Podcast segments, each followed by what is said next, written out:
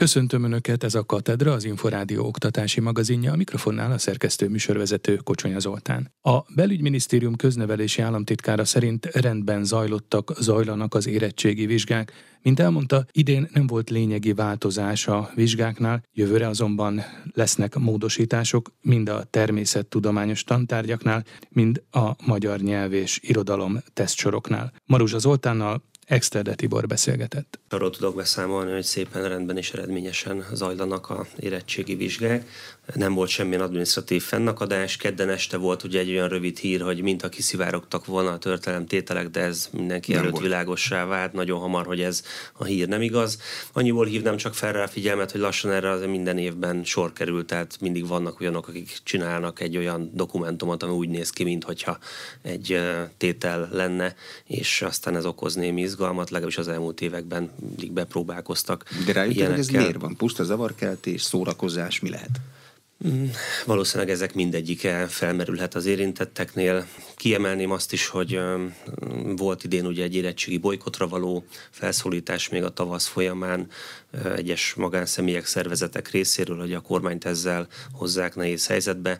Itt is azt tudom jelenteni, hogy több mint 22 ezer pedagógus jelentkezett egyébként az érettséggel kapcsolatos feladatoknak az ellátására, tehát végső soron semmilyen gondot, nehézséget ez nem okozott. Én ezt is sajnálattal hallom mindig, amikor egy állami vizsgának a meghekkelésén dolgozik bárki is. Mm, ugye ez egy olyan évfolyam volt, amelyik hát jó hosszú időt töltött pandémiában otthon. Ennek bármilyen nyomát látják, akár az eredményeken, akár a lebonyolításon? Vagy rövid még az idő? Ugye valóban ezek az évfolyamok, ezek akár kilenc hónapot is tantermen kívüli digitális munkarendben tölthettek. Én biztos vagyok abban, hogy ez nem múlt el hatás nélkül, de a mérés eredmények, vagy akár az előző évi érettség eredmények, azok tanulmányi területen legalábbis romlást nem mutattak a fiatalabbak körében, tehát alsó tagozat, vagy akár általános iskola felső tagozat esetén, ott nyilván a járvány mélyebb nyomokat hagyott, hagyhatott a fiatalokban. Azt látjuk mindenhol a nemzetközi mérésekben, hogy van tanulmány eredmény romlás. Éppen a németeknél a legutóbbi ilyen a magyar kompetencia méréshez hasonló általános iskolai mérése mínusz 4,5 százalékot mértek. Tehát a nemzetközi környezetben azért látszik, hogy van hatása, de nem feltétlenül a 18 éves érettségizők körében. Ők ugye már nagyon jól tudták használni a digitális eszközöket, a digitális online tananyagokat, az érettségi felkészítőket.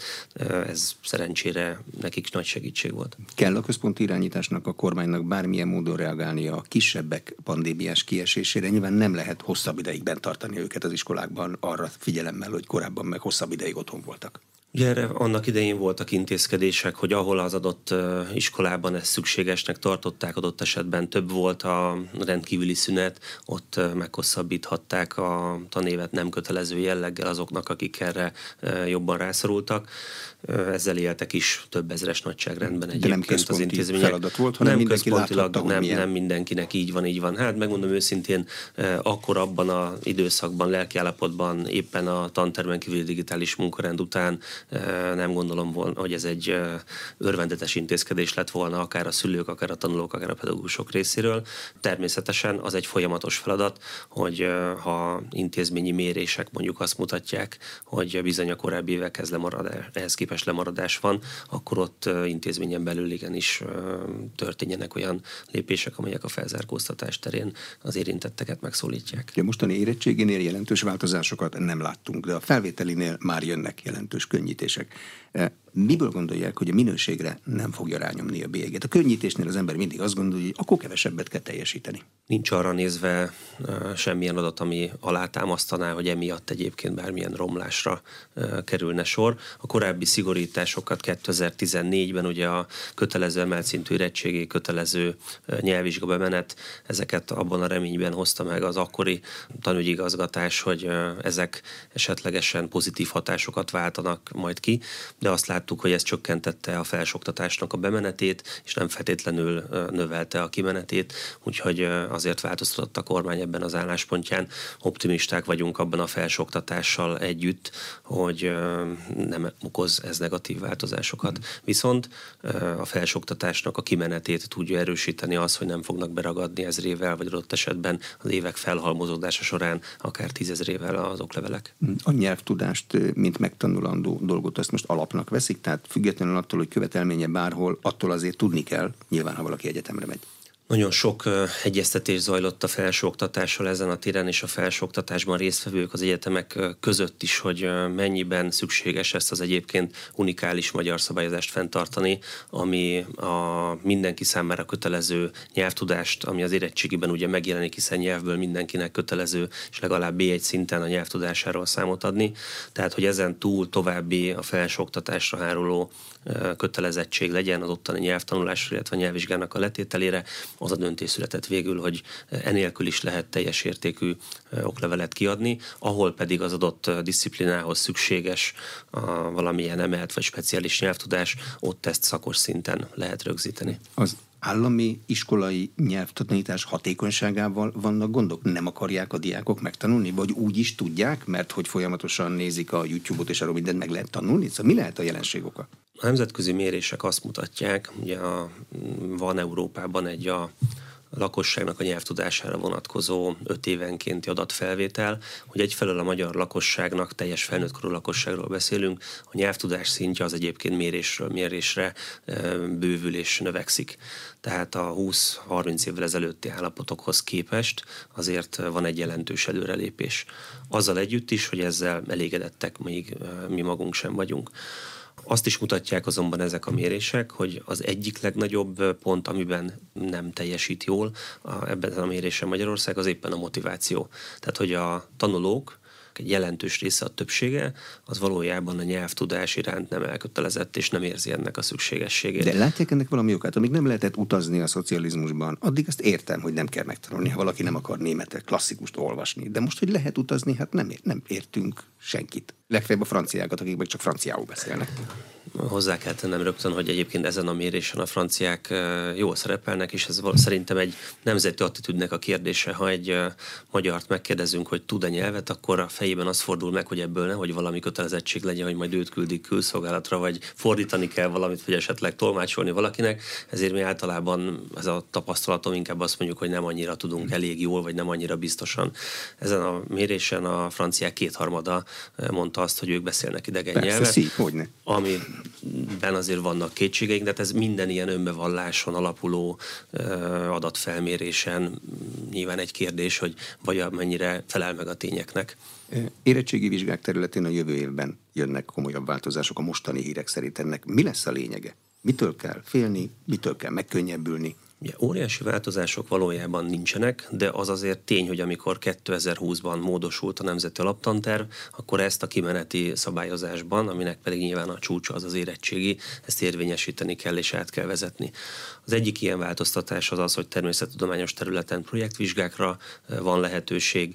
A másik, amit a legtöbbet, vagy ami a legtöbb vitát váltotta ki, ez ugye a magyar nyelv és irodalmat érinti, ahol pedig fogalmazzunk úgy, hogy a elmúlt években megszokott alapvetően kompetencia jellegű szövegértésközpontú vizsga egy kicsit alakul abba az irányba, hogy tényanyagot tárgyi tudást is számon kérjen. Ebben látom én is, hogy megosztottak a magyar tanárok. Van az a kör, amelyik e, ettől mondja azt, hogy most ez hirtelen el fog romlani, hiszen majd évszámokat kell megtanulni, meg életrajzokat. Én azért arra is emlékszem, hogy pár évvel ezelőttig meg létezett az a köre is a magyar tanároknak, aki meg azzal támadott bennünket, hogy nem kell semmit tanulni az érettségire magyarból, mert úgy is kap egy olyan feladatlapot az érintett érettségiző, amiben minden megoldás benne van, csak meg kell érteni, és tulajdonképpen semmit nem kell eltanulni. Ezt a kettőt próbálta a 2020-as szabályozás valamennyire összhangba hozni, és egy kis mértékben valamennyi tartalmat visszahozni, de egyébként alapvetően nem megváltoztatni azt a mégiscsak kompetencia alapú érettségit, ami egyébként bevált. Mhm. Te magyarból akkor lesznek mintafeladatok, hogy a tanárok elsősorban megérezzék, hogy mire kell fölkészíteni a következő évek érettségizőit? Lesznek a természettudományokban a projekt alapú munka, az mit jelent? Építs négy óra alatt barackmagból atommagot csapatmunkában? Szóval ez, ez milyen típusú a projektmunka? Mert ennek mindig, akik ezt nem szeretik, azt mondják, hogy projektmunkában is van három ember, abból egy melózik, a másik kettő megnézi az ilyen MacGyver típusú megoldásokat, hogy bicikliből űrhajót, ezt természetesen a érettségi kereteiben nehéz lenne megvalósítani, de valóban arról van szó, hogy egyes témakörökben direkt erre felkészülve egy kicsit a klasszikus tételek számonkéréséből sikerüljön kijönni. Azt gondoljuk, hogy ez egy sikertörténet lehet majd. Mhm. Ez már ilyen science irányú felkészülést jelent a korábbi munkákban is? Azt gondolom, hogy igen. Az ellen nagyon nagy ellenállás volt általában a disziplinák egy részének képviselői felől. Ugye az akadémiai szféra az nagyon masszívan szokott ragaszkodni a hagyományos felosztáshoz. A fizika, fizika, ami kémia, fizika, fizika, kémia, matek, így van, matek. így van, így van. Ezt a munkát, ezt félig végeztük el, ha lehet így mondani. A Nemzeti Alaptanterben a Science, mint integrált természettudomány is megjelenik, és lehet is már általános iskola felső tagozatán is Science jelleggel összevontan, integráltan szervezni a természettudományos oktatást, de meg lehet maradni intézményi döntés alapján klasszikus felosztás szerint is. Úgyhogy ebben az intézményeknek van egy szakmai autonómiájuk, hogy melyik irányba mozdulnak el. A tapasztalatokat érdemes lesz majd levonni. Úgy gondolom, hogy egyébként maga a kezdeményezés az, hogy mindkét ágát ennek kidolgoztuk, lehetővé tettük, ez egy fontos. Növeli az intézményeknek a szakmai autonómiáját, és a méréseknél meg oda kell majd figyelni, hogy melyik milyen eredményességet hoz. Végső soron ez lehet a puding próbája, lehet így fogalmazni. Mm. Tanári kar fel van készítve készítve a változásokra. Magyarból egyszerűbbnek tűnik az irány, mert lexikális tudást azt könnyebb mérni, azt akár egy feladatlap kitöltő sablonjával is lehet. De a science-ben megmérni a projektmunka alapján, hogy mi jött ki, ott lehet, hogy olyasmi jön ki, ami zseniális. És azt nem fogják felismerni. Jó, ez túlzás, de elképzelhető. Ugye a a projektmunkának, illetve részben ennek a science típusú átállásnak nem feltétlenül csak az érettség, és nem feltétlenül csak ez a projektvizsga lehetőség az, ami a mérési eszköze lesz, hanem a kompetencia méréseknek az átalakított rendje is. Ugye ebben a tanévben jelentősen bővítettünk a mérési körön gyakorlatilag két évtizede az oktatási hivatal 6., 8. és 10. évfolyamon méri a tanulóknak a szövegértés és a matematikai kompetenciáit. Erre rendelkezésre állnak idősoros adatok. 22 tavaszán megjelent a természettudományos mérés három év előkészítést követően, illetve digitális platformra helyeztük az egészet.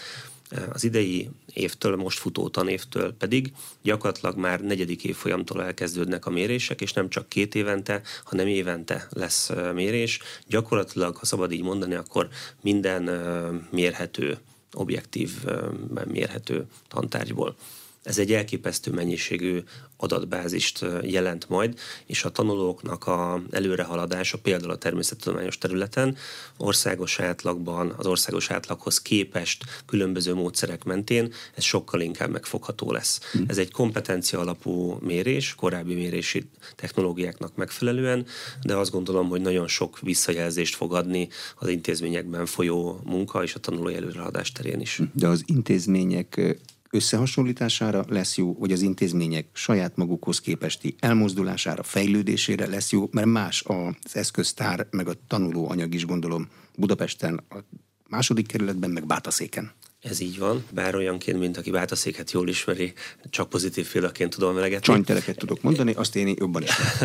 De természetesen az alap tény az igaz, valóban megvannak az eltérések. Éppen ezért az oktatási hivatalnak ez a kompetencia mérése, ez mindig is családi háttérindex és szociális háttér figyelembevételével készítette el a különböző görbéket, és ez a fajta vizsgálati háttér, ez a továbbiakban is rendelkezésre áll majd, tehát érzékeny a mérőeszköz az ilyen típusú típusú háttér eltérésekre. Ezzel együtt is azt gondolom, hogy arra alkalmas lesz ez a mérés, hogy egy igazgató az lásson országos standardadatot, pontosabban lássa azt, hogy a saját intézményében egyébként ehhez képest milyenek a mérésadatok az egyes évfolyamokon, illetve össze tudja hasonlítani, hogy az előrehaladás, a változása ezeknek az adatoknak az egyes évfolyamok között az egyébként milyen mértékű. Ugye mivel a tanulók, bocsánat, hogy így mondom, de öregszenek, nőnek, fejlődnek, ezért mindenképpen mérni fogunk előrehaladást. Az, hogy ez az egyes évfolyamok között milyen mértékű, abban van az intézménynek szerepe.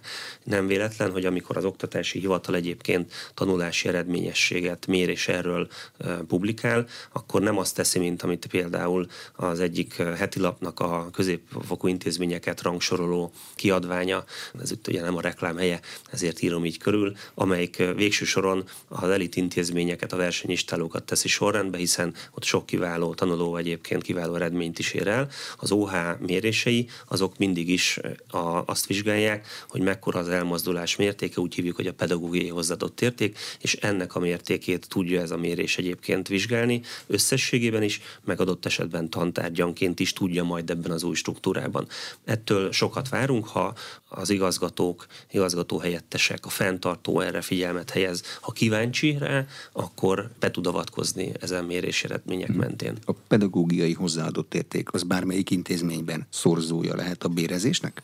Nem direkt és nem közvetlenül csak ez kell ezt befolyásolja, de igen, abban a új teljesítményértékelési rendszerben, aminek a kidolgozása és a kipróbálása zajlik, ott a tanulói előrehaladásnak a mértéke az az egyik szempontja lehet a pedagógus teljesítményértékelésnek, egyik szempontja lesz. Ez fontos látni, mindig el szokott hangozni, hogy igen, pont ami a kérdésben is korábban pár perc elhangzott, hogy igen, igen, de más a bemenet, más a tanulói állomány, mások a pedagógiai programok. Világos, teljesítményértékelést mindig intézményen belül az igazgató hajtja majd végre, meg nyilván a helyettesei, tehát az intézménynek a vezetése, ők értelemszerűen nem azt fogják majd vizsgálni, hogy onnan 100 km egy teljesen más intézménybe egyébként milyen csodát lehetett végrehajtani, itt meg miért nem. Az érintett kollégának azonban mégiscsak az előrehaladását objektív adatok alapján meg tudják majd vizsgálni. Ez azért lehet fontos, hiszen minden teljesítményértékelés kapcsán az alapvető félelem vagy a kritika az az, hogy ne, bocsánat, hogy így fogalmazok, ne pofára történjen, hanem legyen mögötte valamilyen objektivitás, valamilyen szakmaiság. Ez egyfajta inputja lehet, de nem véletlen egyébként, hogy a tanulói mérésadatokon túl még 6-7 szempont ehhez párosulhat. Csak nem 2000 nyertes részesülhet ösztöndíjban összesen, mint egy 3,5 milliárd forint értékben az új Nemzeti Kiválóság program idei pályázatain. A részletekről Rozgony Ádám kérdezte Hankó Balázs innovációért és felsőoktatásért felelős államtitkárt. A magyar innováció megerősítés és a magyar tudásgazdaság erősítés érdekében kiemelt fontosságú az, hogy a kutatóhelyeinket, egyetemeinket összekapcsoljuk a gazdasággal. Ennek egy kiváló lehetősége, hogy olyan ösztöndiakat, kiválósági programokat indítunk, amelyek a fiatal kutatókat támogatják. Ilyen ez az új Nemzeti Kiválóságprogram is, amely 3,5 milliárd forintos keretben várhatóan 2000 pályázatot fog nyertesként, eredményesként kihirdetni, és ez hat kategóriában biztosít havi 100-tól 200 ezer forintos ösztöndíjat, amely az alapképzés, a mesterképzés, doktori képzésben vagy hallgatóknak, vagy fiatal kutatóknak, oktatóknak jelent ösztöndíjat, amely ösztöndíjjal egy olyan tudományos kutatást tudnak támogatni, amely nem csak a hallgatónak jelent támogatást, hanem bizonyos részben az adott felsőoktatási intézménynek is a kutatás támogatásához hozzájárult, összesen 25 magyarországi felsőoktatási intézményen keresztül. Hogyan, miként lehet pályázni? A pályázat az új nemzeti kiválósági program hivatalos honlapján keresztül érhető el, és a pályázat benyújtásának határideje 2023. június 15, és a 23 őszi, 24 tavaszi tanévre biztosít ahogy említettem, 100-200 ezer forint nettó ösztöndíj összeget. Egyébként mik a kritériumok? Alapvetően hogy a kritérium az, az mindig azt jelenti a kritériumoknak, hogy valamilyen olyan kutatási területet kell megjelölnie kiemelkedő tanulmányi eredménnyel, ami az alapképzésben a mesterképzésben új innovációs kutatási területet jelent. Mondhatnék itt akár az elmúlt időszakban nagyon sok olyan pályázatot, amely az agrárium esetében nyert támogatást, vagy az akár az orvosegészségtudomány területében, vagy akár a megújuló energia területén is. Szóval minden egyes képzési kutatási területnek a legkiválóbbjait próbáljuk megtámogatni ezen ösztöndíjjal. Megújult a Magyar Nemzeti Bank Diák Safe mobil applikációja, immár a valódi pénz kezelésére is lehetőséget ad a 8 és 14 év közötti fiatalok számára, mondta Szombati Anikó, az MNB digitalizációért és fintech fejlesztésért felelős ügyvezető igazgatója. Imre Júlia készített összefoglalót. A Diák Safe mobil applikációt még 2020-ban hozta létre a Magyar Nemzeti Bank, azzal a céllal, hogy legyen egy az iskolai takarékbélyekhez hasonló program, amely kifejezetten a kisiskolások pénzügyi tudatosságát segíti elő, kezdte Szombati Anikó, a Magyar Nemzeti Bank digitalizációért felelős ügyvezető igazgatója. Az általános iskolás korú gyerekeket célozta első körben, és azzal az ambícióval indult, hogy játékos keretek között adjon át fontos ismeretterjesztő tartalmakat, illetve, hogy ezen játékos körülmények között a gyerekek a tudásukért jutalmat is kaphassanak. Ezek a jutalmak digitális takarékbélyeg, illetve digitális diák tallér formában érkeztek, és beválthatók voltak egy webshopban. A fejlesztéseknek köszönhetően most teljesen megújult az alkalmazás. A diák szép friss verziójában már valódi pénzt is lehet használni, így a gyermekek játékos módon ismerkedhetnek meg a mobilbankolás világával. A valódi pénz tartalmazó pénztárca bankkártyával vagy utalással tölthető fel, és az összes fontos mobilbanki funkciót tudja, tehát lehet kiutalni, illetve rendszeren belül is utalni, illetve QR kóddal vásárolni. Emellett természetesen a megtakarítások ösztönzése is fontos számunkra, ezért dedikált zsebeket is létrehozhatnak a diákok, azzal a célral, hogy az általuk később megvásárolni kívánt nagyobb értékű játékokat vagy használati eszközöket szépen lassan tudják finanszírozni. Az alkalmazásban először a szülőnek kell regisztrálnia, ezután lehet választani az alap és a bővített funkciójú elpénzszámla között, hívta fel a figyelmet az ügyvezető igazgató. 45 ezer forintos egyenleg, illetve 15 ezer forintos tranzakciós limit tartozik hozzá, és ezen egyenleg csak vásárlásra használható, illetve az egyenleg természetesen bármikor kiutalható hazai bankszámlára. A digitális pénztárca teljes funkcionalitása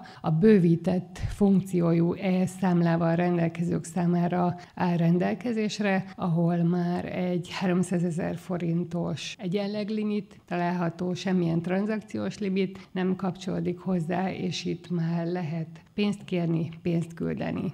A diák szép segítségével a szülők egy felületen egyszerűen kezelhetik gyermekeik pénzügyeit, és támogathatják őket a pénzügyi ismeretek megszerzésében. Az alkalmazás újdonságaként pedig már közösségi funkciók is elérhetőek, így fel lehet venni a barátokat, és nyomon lehet követni a családtagok és barátok eseményeit is. Tette hozzá Szombati Anikó, a Magyar Nemzeti Bank digitalizációért felelős ügyvezető igazgatója. Katedra. A Tudás magazinja oktatásról, képzésről, nevelésről. Ez volt a Katedra, az Inforádió oktatási magazinja. Megköszöni figyelmüket a szerkesztő műsorvezető Kocsonya Zoltán azzal, hogy várom Önöket egy hét múlva, ugyanebben az időpontban, ugyanitt. Addig is magazinunk korábbi adásait meghallgathatják az Inforádió internetes oldalán az infostart.hu címen. Viszontalásra!